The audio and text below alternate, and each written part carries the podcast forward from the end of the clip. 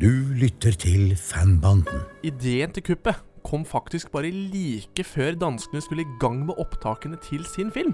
De hadde ikke noe sånn eh, ordentlig bra slutt på den filmen, og Erik Balling satt i bilen sin på vei hjem da han hørte Olsmann-temaet ble spilt over radioen, som det klart mest danske som er. Og så, rett etterpå, så ble overtyren til Elverøy spilt, og da dukket ideen opp. Jeg har en plan. Er det farlig? Nei, steng av du av, Kjell. Jeg mener, er det vanskelig? Stopp! Stans! I kongens land! Kan ikke tro det! Ti stille litt nå. Er vi blitt millionærer igjen? Og vi gjør som vi pleier, for da kan det ikke noe gå gærent. Med Knut Foss, Torgeir Regna og Johannes Slettedal. Hjertelig velkommen til Fanbanden, en podkast om Olsenbanden.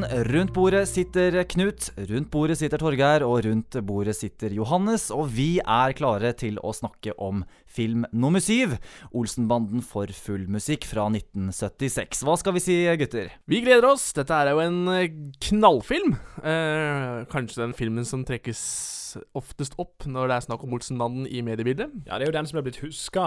Spesielt kuppet i slutten av denne filmen er jo det som er det minneverd, virkelig minneverdige, og som er sånn eh, Ja, det folk husker på når de tenker på Olsenbanden. Vi kan bare aller først nevne at dette her er en film som hadde premiere i eh, juletidene, nemlig 26.12. Samme premieredato som eh, nummer fire. Film Og- nummer fire. Og det fordrer jo at det er veldig gode besøkstall. I hvert fall hvis vi skal gjøre- ha som i eh, film nummer fire. Ja, for besøkstallene her er, hvis vi skal tro våre kilder, 434 000 nordmenn så denne filmen på kino, og den hadde et budsjett på drøye 4 millioner. Fire Oi! Ja.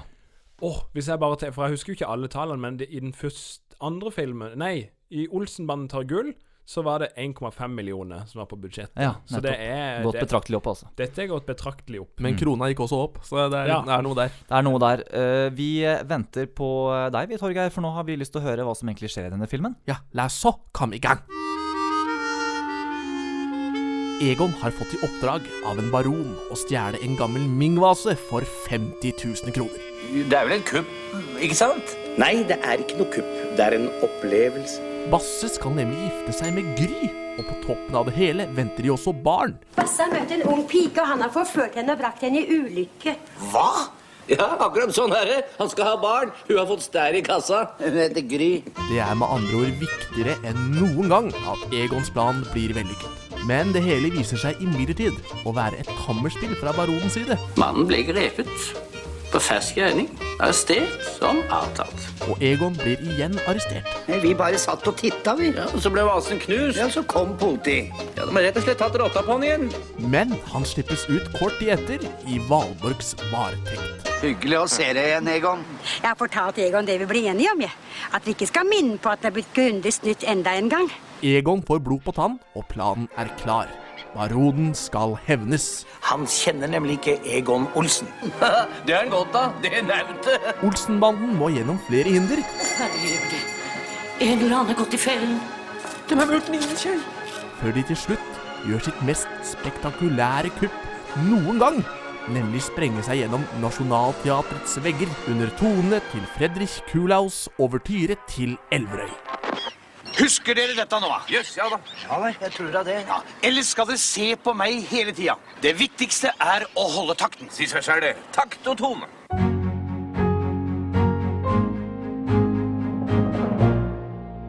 Elverøy-musikken står sentralt i denne filmen, og det er Knut Bovim som har kommet tilbake i registolen etter at Knut Andersen fikk en liten gjesteopptreden i forrige film. Yes, back in business. Ja. Back in business. Og vi åpner jo denne filmen uten et uh, sånn åpningskupp. Ja. Hver film fram til nå er starta med et lite kupp som ikke nødvendigvis har noe med resten av filmen å gjøre.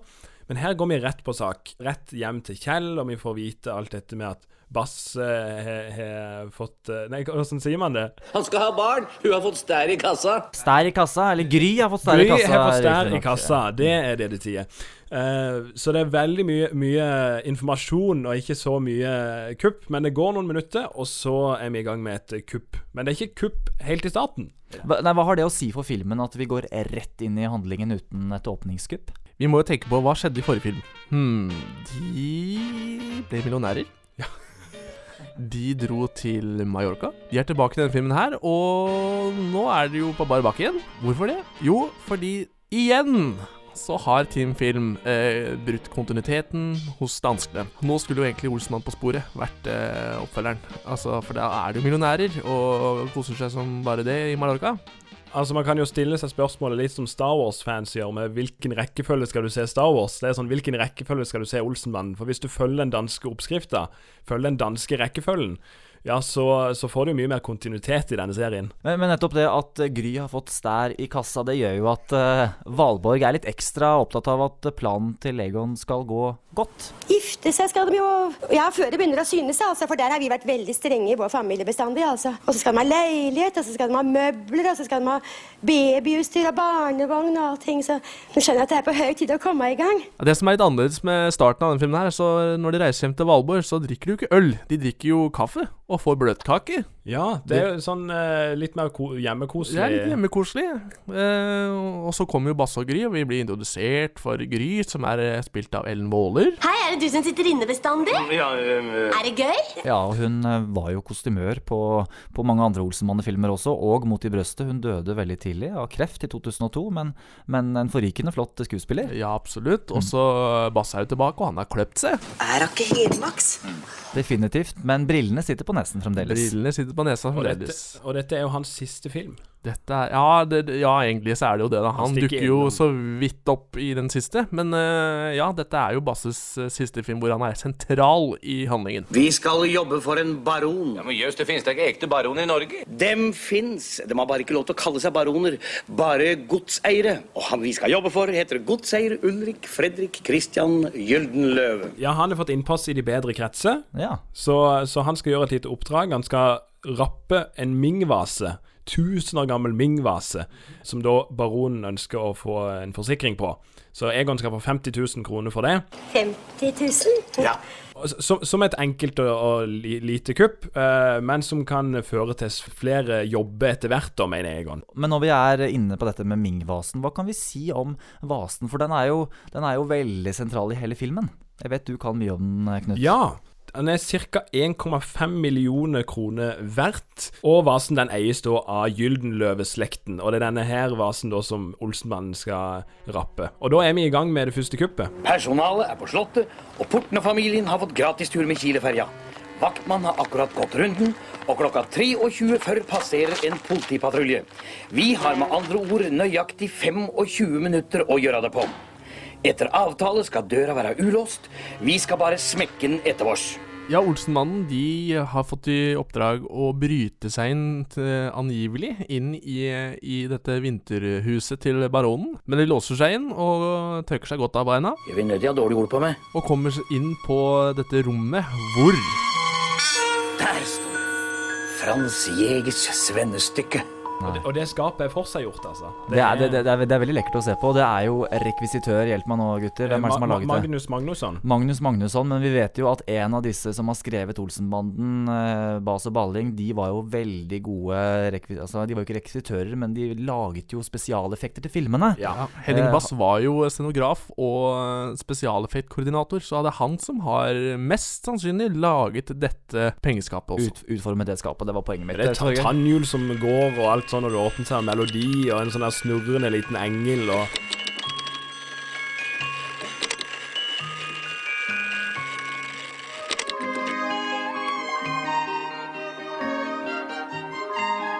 Det som er i hvert fall viktig når de er eh, i dette vinterhuset til baronen, er at det skal jo se ut som et vanlig kupp. Ja, og der får, der får vi et lite nikk til den første filmen.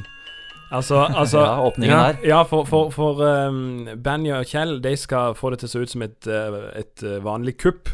Og de driver og ler bak gardinene. Ja. Sånn Kniser og Ja, kniser. Og når kuppet da er ferdig, og de, og de går ut fra huset, så zoomer de opp på vinduet, og der så er det samme metode som ble brukt i den første filmen. Denne gangen har de riktignok klart det, å ta en sånn liten diamant og så åpne, lage et lite hull i vinduet. Så man kan ta hånda inn og så åpne. og sånn. Ja, og dette gjør de også i Olsenmannen møter kongen og knekten, eh, når de skal inn på huset til, eh, på Frognerparken. Ja, så det er noe som dukker stadig Ja. som et sånn standardtriks. Men, men jeg bare lurer på hvorfor ler Benny og Kjell når de står bak dette gardinet og skjærer opp? Er det at det er, at det er morsomt, eller hva, hva, hva, hva skal vi tro er grunnen til at de ler? Ja, men jeg tror det er det at de syns det, de syns det er gøy å kødde litt med yrket sitt. Det er Ja, det ja. som liksom skal være joken. Ja, for jeg- jeg- jeg det er ikke jeg- en perfekt uh, joke. Døra skal altså smekkes, og dermed er aksjonen over. Kan det være enklere? Elmaks Egon. Og, og denne vasen skal overleveres til baronen, men det, det går ikke så veldig bra. Nei, for, eh, for eh, Gry hun, er- Vi har allerede fått introdusert at hun er litt sånn slepphendt.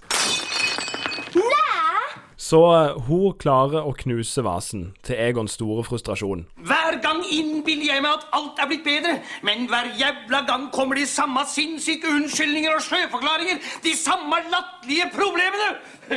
Gravid! Ha! Skulle du ha hørt på maken? Hør på den, da! Det, altså, Egon, det går ikke an å ta sånn på vei for en bagatell. Ja, og Gry frampeker jo her at vasen er falsk. Akkurat en sånn en hadde hos den tannlegen jeg jobba for også. Og da kan man jo tenke litt at å ja, det fins flere av den vasen. Så det er jo sånn lite frampek på at dette er falskt. Det har jeg ikke tenkt på. For jeg, det, jeg tenker jo at joken er at hun er dum. Og det er vel det man skal tenke. Jeg tror dette her var en, et vasedesign som, som, eh, som var vanlig på den tiden. Vi kan jo nevne at eh, vi har jo en vase i vår samling, Ja. eh, som, så dette her er noe som finnes i dag.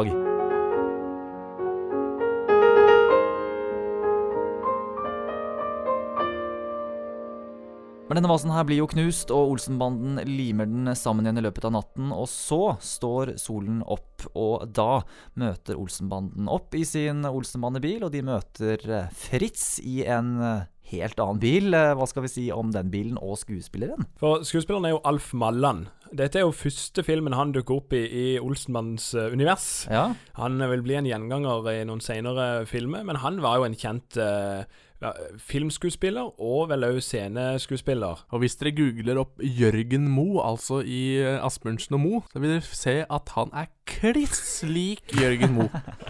En liten fun fact fra Torgeir eh, det er der, altså. Men, men kan vi si litt mer om Alf Malland? For han var jo en høyt dekorert soldat under andre verdenskrig.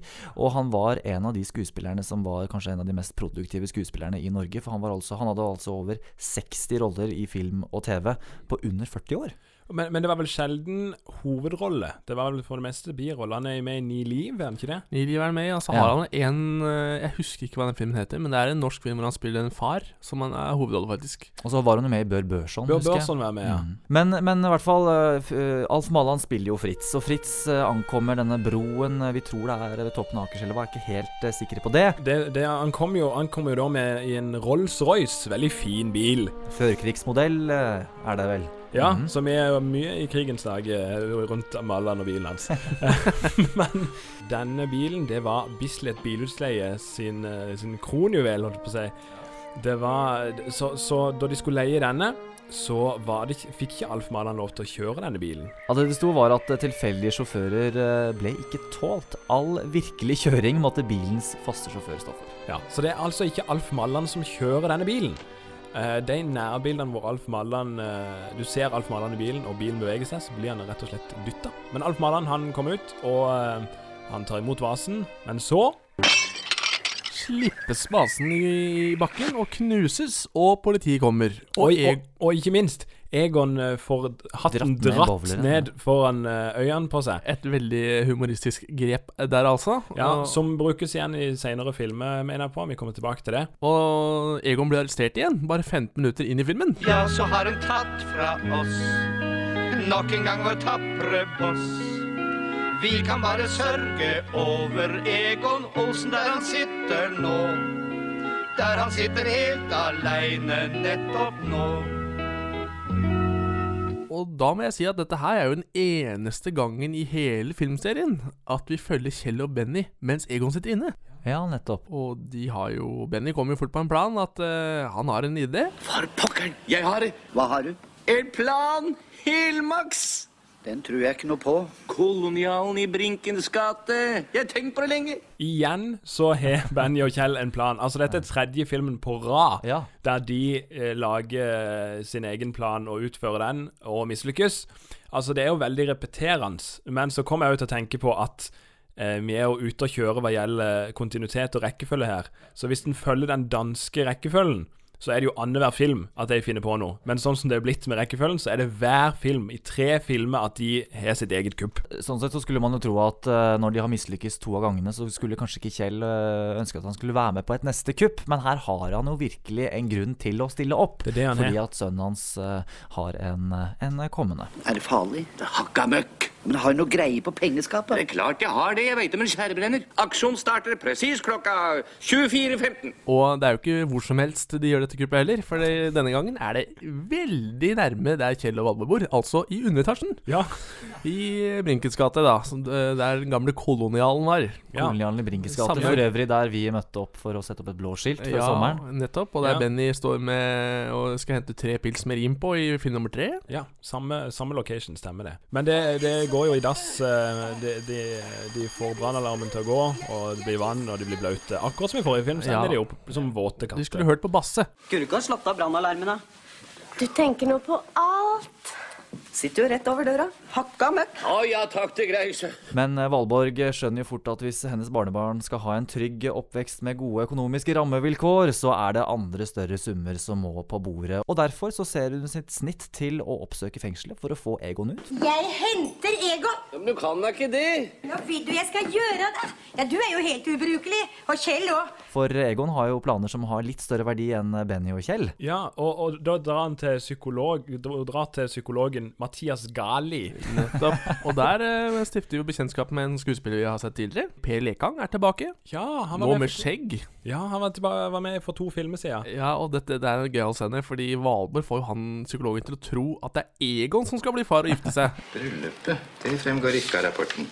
Så hvis jeg skal utsette det nå, så blir det jo snart synlig, og da vet ikke jeg hva jeg skal si til familien. Familien? Ja, altså Det lille barnet i mors liv, da, det må man jo også ta hensyn til, ikke sant? Jo, naturligvis, men Ja, hvis det ikke skjer noe nå, så fraskriver jeg meg ethvert ansvar. jeg. Hva tror du da kommer til å skje?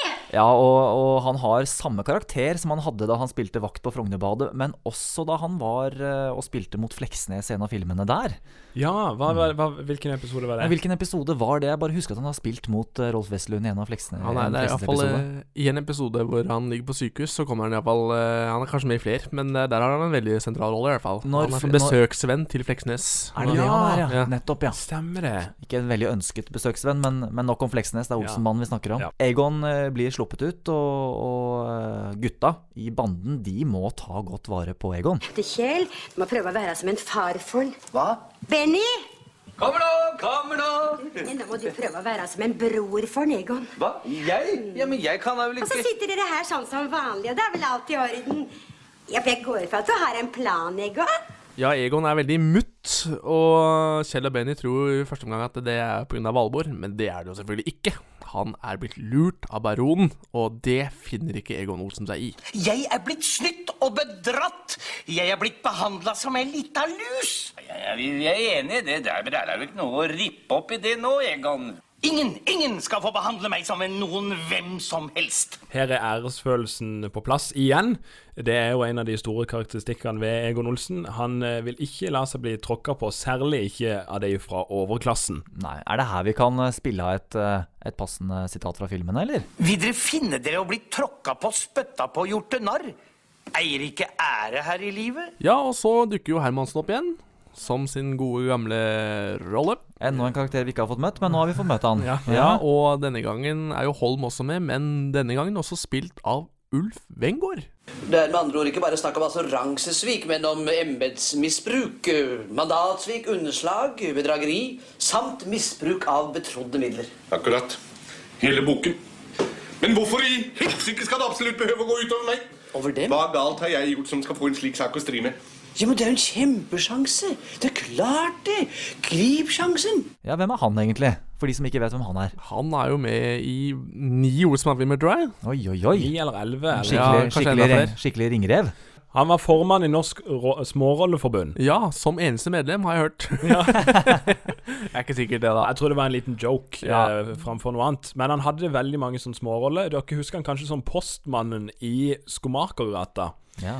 Um, men han spiller Han har jo vært med i den andre filmen, eh, så spilte han Helmer. I, Første filmen òg spiller han jo sånn politidreng. Ja, ja, så han dukker hele tida opp. Og her er han en Han er vel en av de større rollene i Olsenbanden. Ja, fin, fin, mm. fin rolle, dette her, altså. Han har bare en eneste ting i hodet, og vet du hva det er?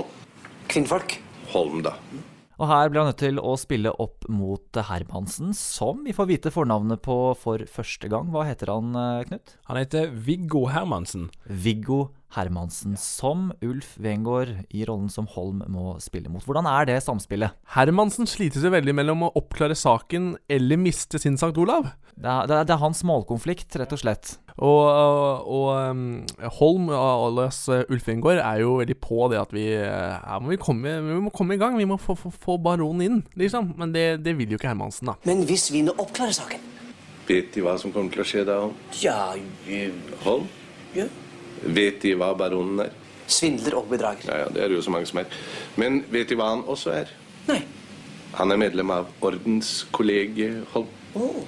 Og vet De hva som skjer hvis jeg arresterer et medlem av ordenskollegiet? Nei. Da kan jeg si farvel til min Sankt Olav. Hermansen er jo nå ferdig med å jakte på storforbryterne. Eh, det var han jo òg i Går amok, eh, det temaet vi snakka om før. Og siste men, men der hadde han jo òg en, en iver til å ta storforbryterne.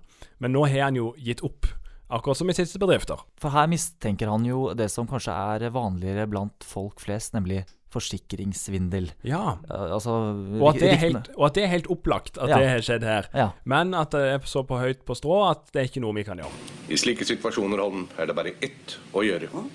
Minst mulig.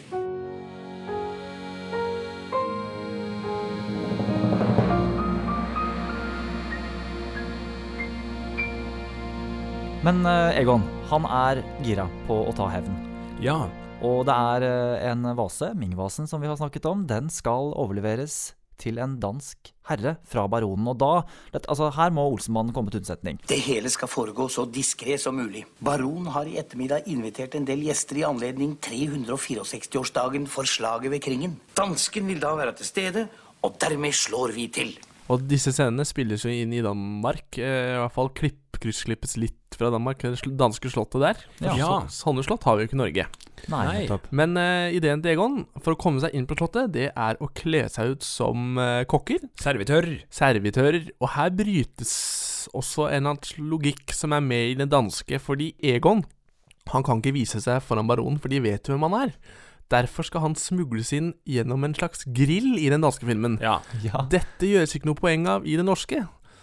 Så, derfor, så derfor kommer Benny og Kjell inn i, i servitørkostyme. Og ikke Egon. Egon er kledd som vanlig. Ja. Så åssen har han kommet seg inn? Ja, og så er det liksom Hvorfor gleder de seg da, hvis det er så lett å komme seg inn i den kjelleren uansett? Ja, Ja, ikke sant. Usett. Men de kommer seg inn, og de kommer seg gjennom en port. Og den som står og, og passer på denne porten, den som er portvakt, det er jo selveste Knut Bovim. Han dukker igjen opp i en cameo.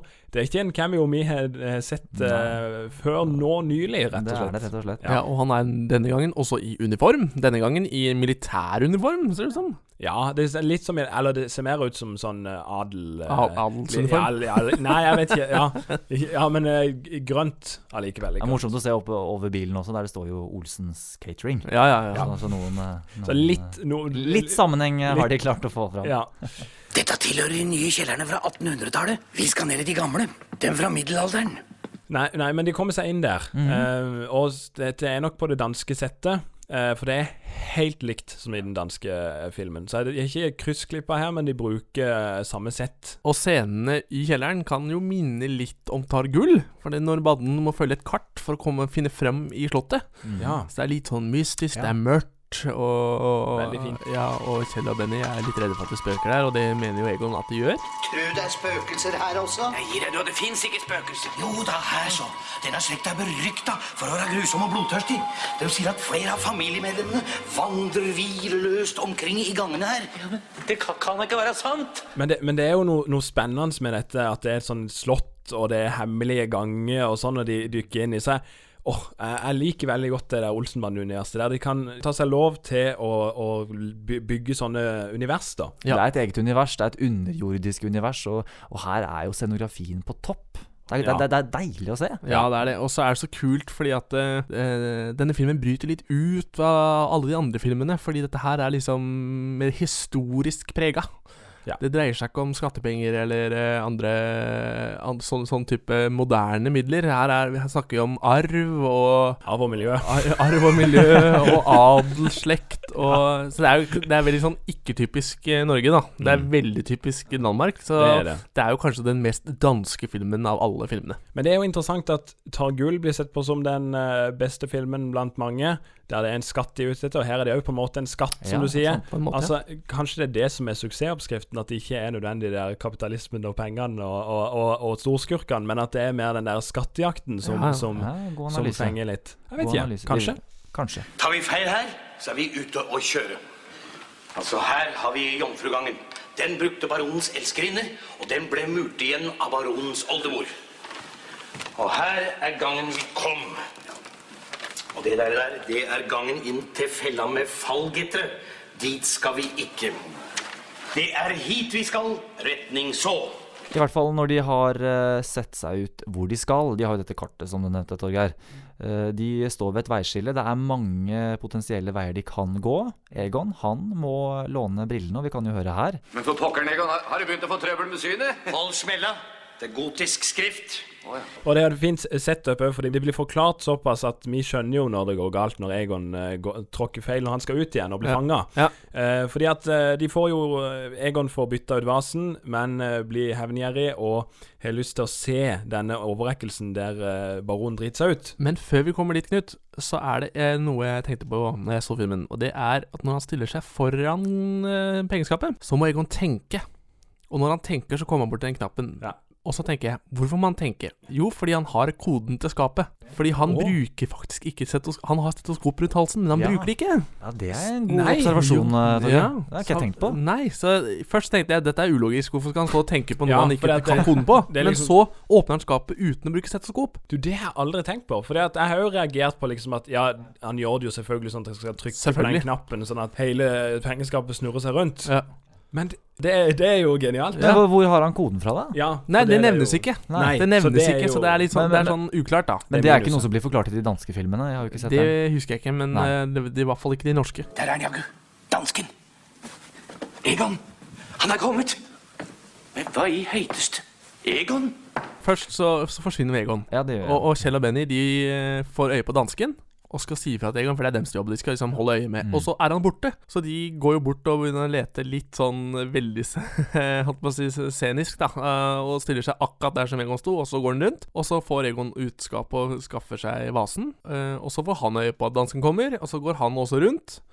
Og da kommer vi tilbake til med det at han skal kikke gjennom de øynene på det bildet. Og det minner jo merkverdig på Brødrene Dal og Spektralsteinene. Ja.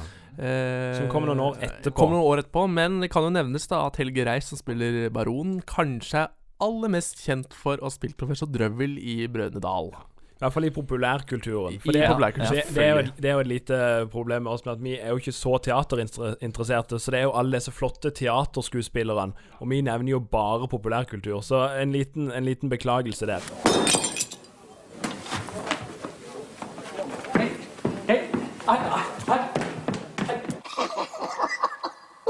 Men når alt dette har blitt observert, og de har fått sett eh, Egon har sett det så han har sett gjennom bildet, så, så er jo ikke Kjell og Benny der. Nei, de, da, da er det liksom skilt lag, og Egon er ute på, på egen hånd, uten briller, kan ikke se hvor han skal gå, og blir fanga. Men han har vasen.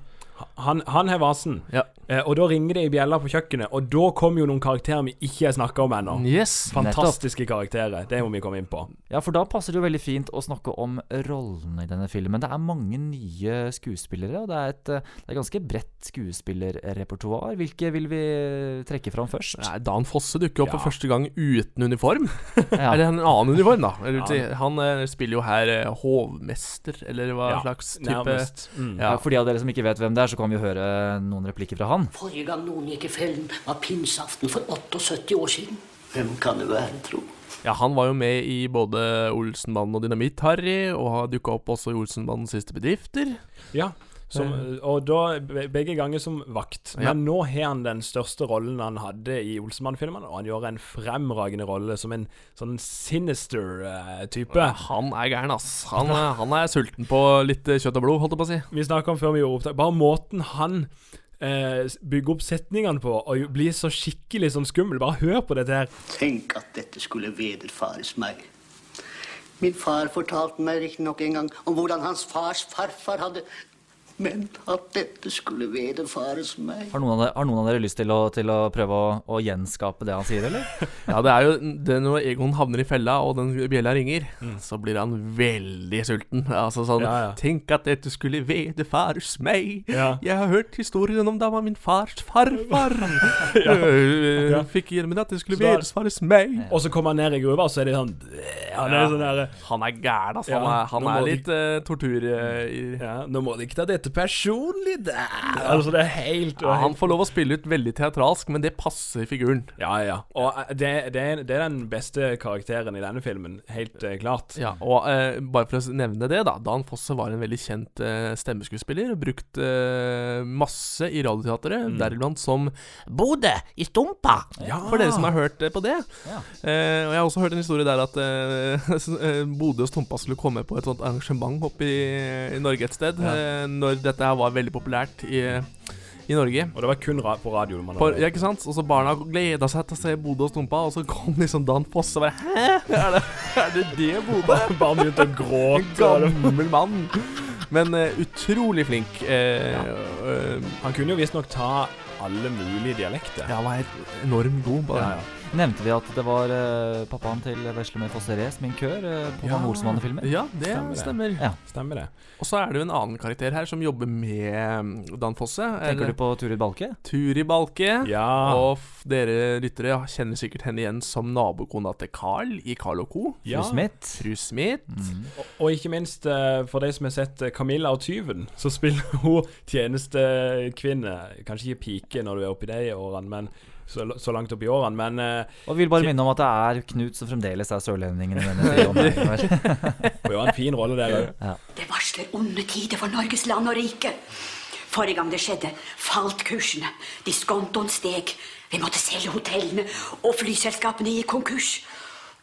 Undres hva som skal overgås oss nå. Vi, eh, vi kan jo også nevne at eh, Ole Jørgen Nilsen er med. Ja, den er Ja. liten, den rollen der, men eh, han spilte jo Rico for noen filmer tilbake, og da hadde han en ganske stor og sentral birolle. Men nå er han jo så å si stum. Har han en helt tatt en eneste replikk i Nei. denne filmen?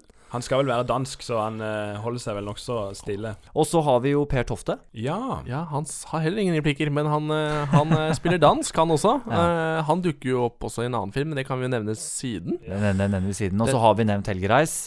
Eh, han, men, men eh, når vi er inne på Per Tofte, han Ja. er vel blant de skuespillerne vi nå har nevnt som én lever. Ja, han lever. Og, og for det andre òg ennå er skuespiller. Du ser han stadig i reklamefilmer. Han Ja. med, jeg så han var med i en Bør Børson-musikal litt utenfor Oslo Ja, her okay. for noen måneder tilbake.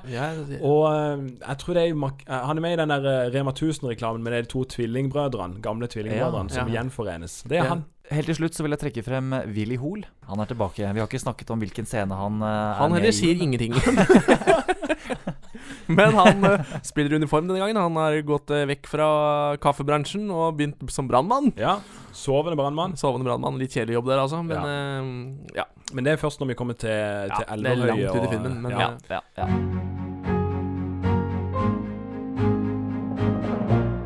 Ja, nå må de ikke ta dette personlig, da. Jeg er redd de kanskje misforstår. For jeg har ingenting imot dem som person. De er sikkert et alminnelig elskverdig menneske. Men når familiens ære står på spill, så må enhver møte sin skjebne som en mann. Det må de knise. Egon eh, blir jo murt inne. En veldig sånn sadistisk Ja, metode. ja. Eh, men Kjell og Benny vet du, de, de stiller opp og klarer å høre at Egon fortsatt er i live, sjøl om de er litt i tvil en liten periode der. Egon For helsike, det kan ikke stemme! Det er nemlig et skjelett fra en av de gamle adelsfolkene som fortsatt står der og knekker sammen. Ja, når vi er inne på det, det, det er jo òg det, det som, eh, det som eh, Dan Fosse forklarer når de, når de murer, inn- murer Egon inne. Dette stedet er nemlig egentlig forbeholdt slekten. De står rundt omkring oss her, på alle kanter. Noen fordi de var idioter, og andre fordi de hadde brakt skam over familien på en eller annen måte. Veldig skummelt eh, bakteppe på hvorfor disse, disse rommene er nede i kjelleren. Det stemmer bedre, ja. Treskaller. Hengerumper. Akkurat. Og Egon er der inne. Ja, og når eh, banden har kommet seg ut igjen, så forklarer jo Egon at han har en ny plan. Men dette skjønner ikke Kjell. Men hva skal vi med enda en plan, da? Vi har jo nettopp Ja, men pengeskap og vasen og Ja, hvor er vasen? Det er jo den det dreier seg om. Er den vekk? Ja, For helsike, Egon. De har akkurat rotta på deg nå igjen. Ti stille! Jeg ble overmanna og murt inne. Men han er veldig fornøyd, fordi at han har oppnådd eh, det han ville, nemlig Fått æreskrenkelse. Ja. æreskrenkelse Ja, av sånn, ja. eh, baronen. Så han er strålende fornøyd, men sitter ikke igjen med noen penger. Og det frustrerer jo Kjell, for alt han tenker på, er å få pengene til bryllupet. Ja, Så det, og, her kommer det en konflikt. Ja. ja, og vi snakker om æreskrenkelse, så, kan, så krenker han jo veldig æren til Kjell i denne kommentaren her. Hva skal jeg si til Valborg, da? Nå kan det være nok. Spar meg for av Valborg. Spar meg for din lille småborgerlige sirkus. Ingenting, andre. Sønnen din kan ikke engang treffe ei jente uten å bli gravid. Ha, ikke engang det kan dere finne ut av. Fy skam deg! Da smeller det. Da Ja. smeller det, og det blir isfront mellom Kjell og Egon. Og da må Benny mekle. Og dette her syns jeg er en veldig fin scene med Benny. For det er- sjelden at han får via veldig mye egentid, men her må Her- han virkelig stille opp for gjengen. Her har jeg noe å gjøre. Og viser at noen hvite løgner, det skader aldri. Du, Egon. Ja, han er lei seg som bare det, han. Ja, Du kjenner vel Kjell? Han er jo bare en liten tøffelhelt, han. Han har jo ikke ditt format. Men ber han om unnskyldning? Han er livredd for å komme hjem til Valborg. Men så sa jeg det at han Egon har en plan, sa jeg. Selvfølgelig. Men bare hvis jeg får en unnskyldning. Akkurat. Det sa jeg også. Be han om unnskyldning. Klart det. Kom, da. Banden samles igjen, men eh, så får vi Jeg vil si den nydeligste scenen i filmen, der de kommer hjem, og Valborg sier at Skal være det samme med alle sammen. Jeg har vært hos presten og klokkeren, og det er lyst for dem, og jeg er snart ferdig med kjolen, og det er bare, bare sløret som mangler. Og så vil han ikke! Hvem vil ikke? Din sønn! Basse? Han vil ikke. Han nekter.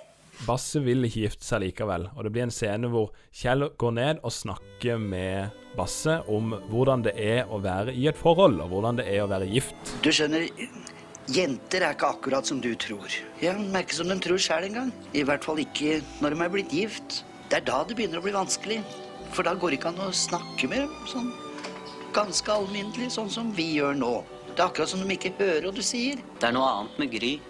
Ja, ja, kanskje. Gry er en knupp. Ja, det er hun. Men eh, vet du hva? Nei. Det er din mor også. Hva? Ja, hun er også en knupp. Hun er så søt og pen og helt ubegripelig. Og så får jeg alltid rett. Uansett. Det er bare å gjøre som hun sier. Og passer veldig fint som en slags avslutning også for Basse, da, på en måte. Ja. Mm, Her ser du det nære forholdet mellom far og sønn, som det heter. Mm. Betyr det at, at hvis det ikke blir noe bryllup, så går det utover deg? Ja, noen skal det jo gå utover. Da er jo jeg den nærmeste. Ja, da får jeg vel Takk skal du ha, Basse. Du har kanskje lagt merke til det allerede. Vi i fanbanden har satt i gang et prosjekt der vi tar initiativ til å lage et bronsemonument av Egon, Benny og Kjell utenfor Botsen på Grønland i Oslo. Og med oss på dette prosjektet har vi en svært erfaren skulptør. Vi er i dialog med private sponsorer samt Oslo kommune. Men vi trenger også hjelp fra deg. Du kan være med å finansiere disse tre bronsestatuene av Norges mest folkekjære forbryterbande, enten ved å vippse til 56 83 43, eller gå inn på spleis.no olsenbanden på sokkel. For flere detaljer rundt prosjektet, besøk fanbanden på Facebook. Altså da eh, Egon eh, står og skal bli murt eh, inne i, i kjelleren til baronen, så får jo Egon ganske nyttig informasjon, må vi jo si. Han får informasjon om at det skal foregå et, et, en overlevering på Nationaltheatret. Og denne informasjonen, den suger Egon til seg. Altså Det er jo som en Bond-film, at, at skurken liksom har fanga Bond, og så forklarer han hele planen sin. Altså Det er jo tatt ifra James Bond, eh, nærmest. eh, som òg vi snakka om litt tidligere. Balling og Bass òg var eh, inspirert av, på en måte. Mm, Eh, du har jo åpningskuppet, akkurat som åpningsscenen i James Bond osv. Så, videre og sånn. Eh, så, så, men den informasjonen får de da bruk for. For nå så er vi altså inne på det som veldig mange forbinder med filmen, nemlig kuppet på angivelig Nationaltheatret. Det er virkelig et spektakulært kupp, altså. Det, det må jeg ærlig innrømme, at det er et kupp som jeg, Vi var jo så heldige og fikk lov å se den filmen på kino nå under 50-årsjubileet med Oslo Pix. Og det å oppleve den scenen på kino, det var kult, altså. Det, det, det syns jeg var, eh, var helt veldig, eget. var veldig fornøyelig å se salen som, som Eller høre salen eh, når den lo såpass mye. Her var det veldig 50 år etterpå, så ler de folk- folk ler Ja, ennå, altså. Folk ler ennå, og her skriver man liksom norsk filmhistorie. Mm. Det har en jo tenkt siden jeg var liten, men så kommer jo inn på det at dansk original osv. osv. Her er vi inne på litt kryssklipping. Om det Litt? Ja, ikke sant? Og, det, og, og, om, og om det ødelegger litt av det glansbildet vi har, det får, det får vi se. Men kan vi ikke gå inn på det med, med disse, disse kryssklippene mellom dansk og norsk versjon? Ja, og for de av dere som ikke vil eh, la illusjonen eh, briste, så får dere altså bare spole la oss si fem minutter eh, fremover i podkasten. Men eh, for de av dere som vil høre hva som egentlig skjer, og hvordan dette her foregår, Torgeir, ta oss gjennom det. Jo, først vil jeg bare nevne at Bent Fabricius Bjerre han skrev om overturen til Elverøy for at banden enklere kunne jobbe seg innover teatret.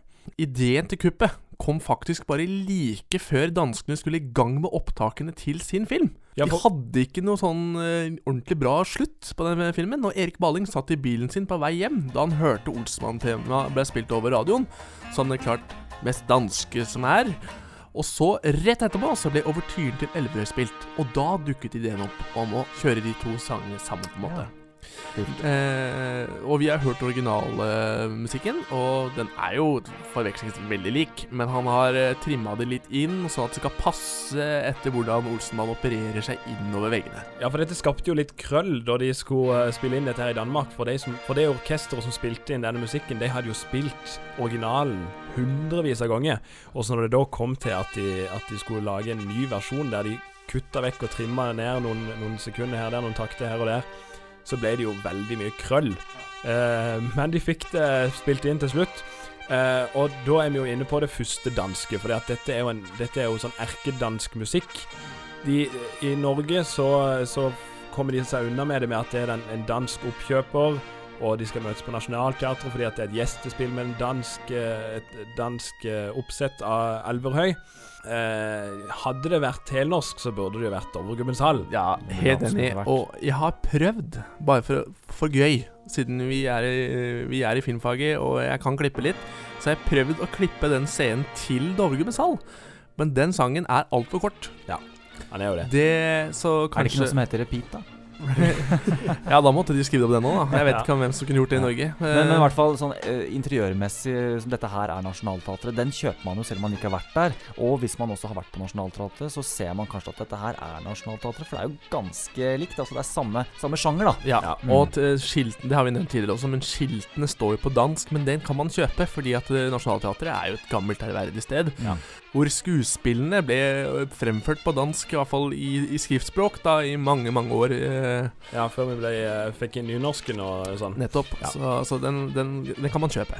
Når vi, når vi blir tatt inn i Nationaltheatrets uh, ganger, så snakker jo Egon om at, uh, om at her er det dårlig stemning.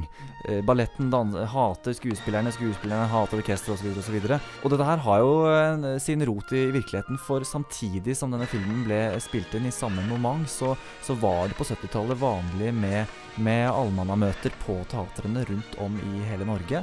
Og det var generelt stor misnøye blant skuespillere og teaterledelsen. Rett og slett for at det var mye, mye diskusjon rundt bevilgninger fra staten, hvor mye penger teatrene skulle få osv. Så, videre.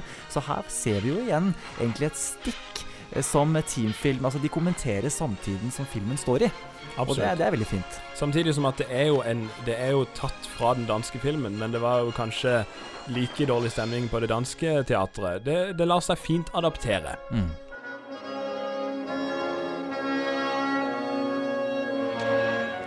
Her er sangrommet. Kom igjen. Vi trenger hammer, dor og stikksang.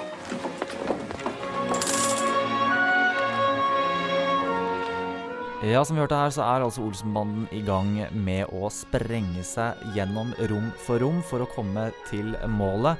Eh, vi vet jo at ett av redskapene de brukte i, i filmen, der var det faktisk de to Altså det, det danske lydteamet som faktisk stemte eh, den ene drillen til å ha samme frekvens som, som Elverøy ble spilt i.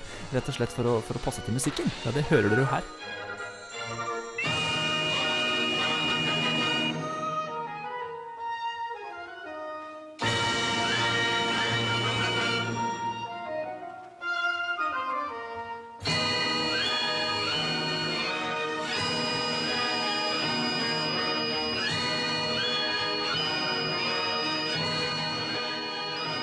Vanvittig godt håndverk. altså. Her har de jobba veldig. Og bare det å komme på denne ideen her er jo helt fantastisk. Eh, bare for å skyte inn det, det er, er at eh, ideen eh, til dette kuppet er også inspirert av en Hitchcock-film som het eh, The Man Who Knew Too Much. Eh, og både Balling og Knut Bovim er jo sto eh, var, eh, for han ene og han andre lever jo enda, store fans av Alfred Hitchcock.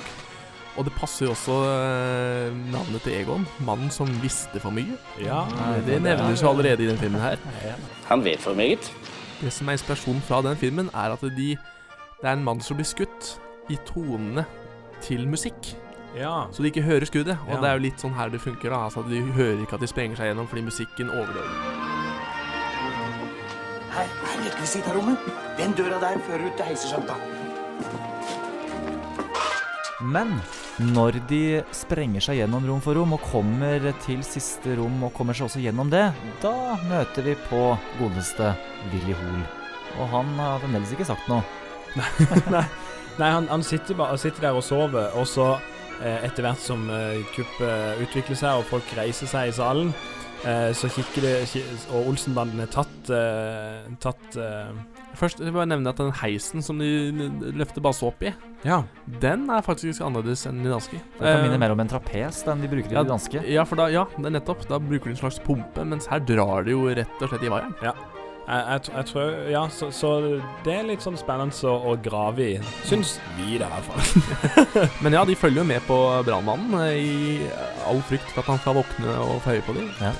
Heldigvis har Willy Hoel et eh, godt eh, sovehjerte. Veldig godt sovehjerte, eh, Men selv, selv sovende så må han opp og ta den honnøren til, eh, Ja. til det danske eh, Hva heter det, kongelige spill Eller hva er det? Hva er det, Det slags- danske gjestespill. Ja, men det er et eller annet parti der hvor de, alle må reise seg opp. Ja, det er vel sikkert noe sånn kongesang eller noe sånt. det er jo det som er så genialt med at det bygger seg så fint opp her. Fordi at det som gjør at banden da kan ta Mingvasen og de eh, halvannen millionene eh, ifra baronen, det er at midt eh, mot slutten av spillet så reiser de seg opp eh, for å gi honnør til noe, kong, det er noe kongesang eller noe sånt. Vi er jo ikke danske.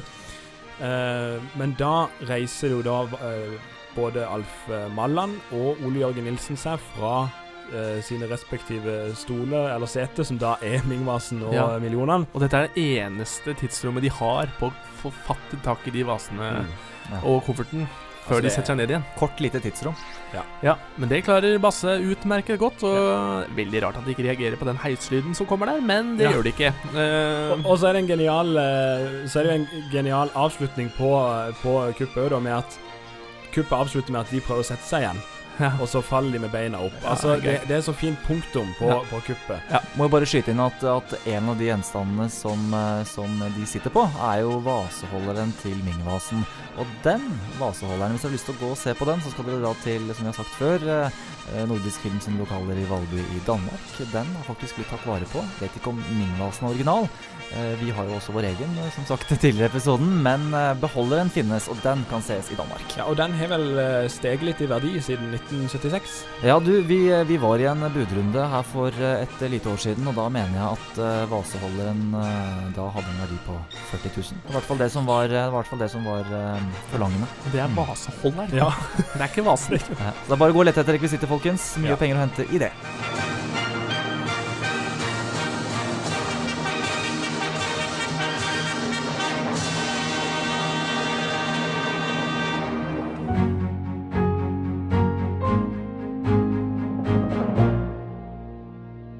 Vi går mot eh, slutten av filmen, og eh, Olsenbanden de har klart det. Ja, de har penger. Eh, de er, kuppet er lykkes, og eh, det står et bryllup for døren.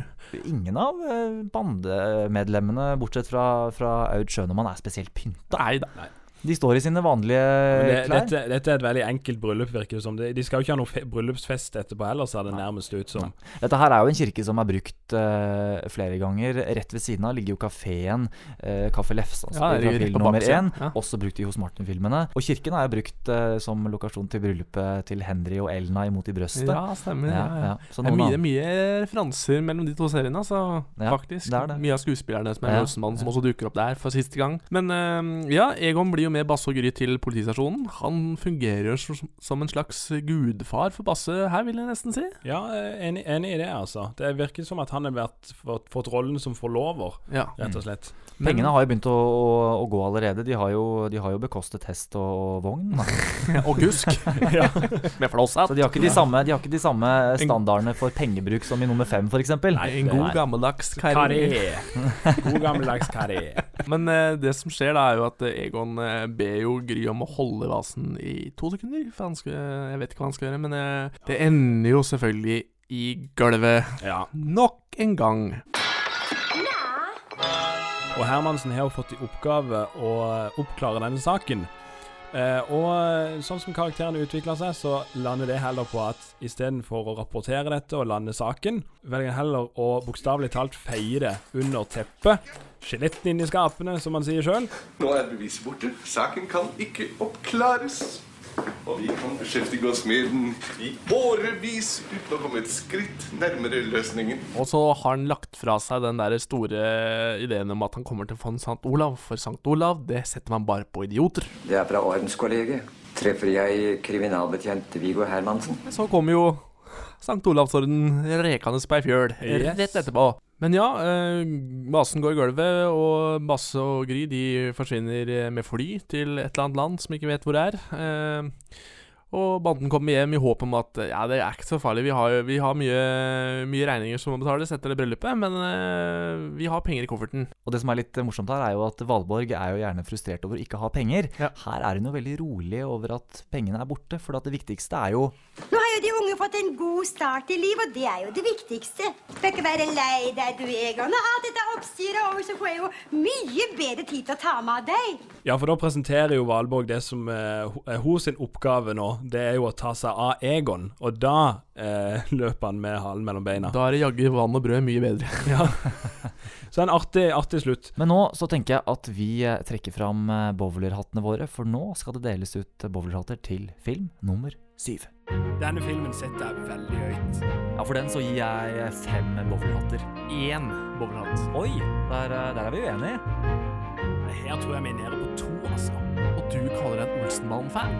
Ti bowlerhatter? Gutter, vi må gå videre. Mitt inntrykk etter å ha snakket eh, gjennom filmen, er jo at vi er veldig glad i denne filmen alle tre. Eh, Torgeir, eh, du har jo Det virker som du, du, du liker denne filmen veldig godt, er det riktig? Ja, jeg liker den veldig godt, men ikke best av Olsmann-filmene. Det vil jeg ikke si. Nei, for du går en tier til nummer tre. Ja. eh, jeg syns det er en veldig fin film, jeg, med, med masse morsomme scener. God dialog, fint spill, og eh, energien er på topp, vil jeg si. Litt seig start på filmen, syns jeg, eh, men den tar jo seg opp som bare det. Særlig fra når de er på Slottet og utover der. Det er, det er Den seansen syns jeg er veldig fin. Ja, og kuppet i Nationaltheatret er jo et filmatisk mesterverk. Det må jeg være ærlig å si. Og det er jo, som sagt, eh, et, et viktig øyeblikk i norsk filmhistorie, da. Så eh, Men hvis jeg skal trekke en bowlerhatt, skal jeg gjøre det nå? Eller skal jeg gjøre vet du det hva? Jeg vil høre hva Knut har å si først, og så sier vi hvor mange bowlerhatter vi gir etterpå. Ja, jeg jeg er veldig enig med Torgeir. Eh, Veldig fin film. Scenografien er jeg veldig imponert over her.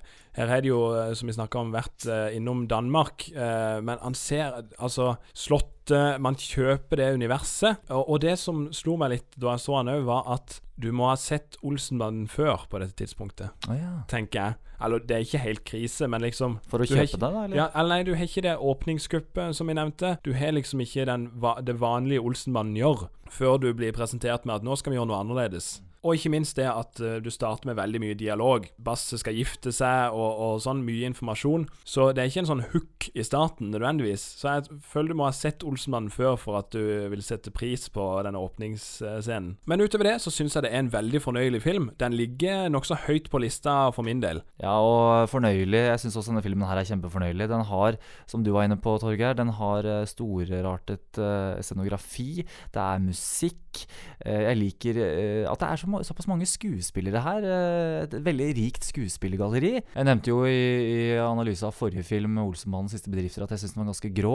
Denne her er i motsatt ende for min del. Når jeg, når jeg tenker på Olsenmannen for full musikk, så er det liksom Det, det er farger. Den er, den er, rik på farger. Den er rik på tempo.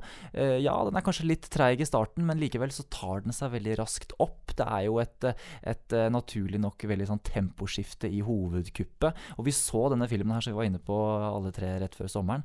Og da tok jeg meg selv i og det, er, det er lenge siden jeg har sittet og sett en Olsenmann-film og har ledd. Mm -hmm. Men jeg satt faktisk i kinosalen og lo. Uh, og for meg så blir det en, en viktig faktor når jeg, jeg velger å gi den filmen her ni boblerater. Så det blir min karakter til Olsenmannen for full musikk, Torgeir. Jeg gir filmen åtte, jeg. Åtte, åtte boblerater. Ja, jeg, jeg, er enig med Torgeir. Ligger på åtte der, så nå ligger vi høyt. Ja, veldig, veldig høyt. Det blir spennende å se hva neste film får. Men denne filmen fikk altså ni, åtte og åtte. Vi håper at dere ikke syns det var altfor få fun facts når vi nå har snakket oss gjennom Olsenbanden for full musikk fra 1976. Neste gang så snakker vi om filmen der Olsenbanden går om bord hos NSB. Harry, hva i svarte gjør du her? Du hørte en podkast fra Fanbanden. Vil du vite mer om Olsenbanden og hva som skjer i jubileumsåret 2019, følg oss på Instagram og Facebook.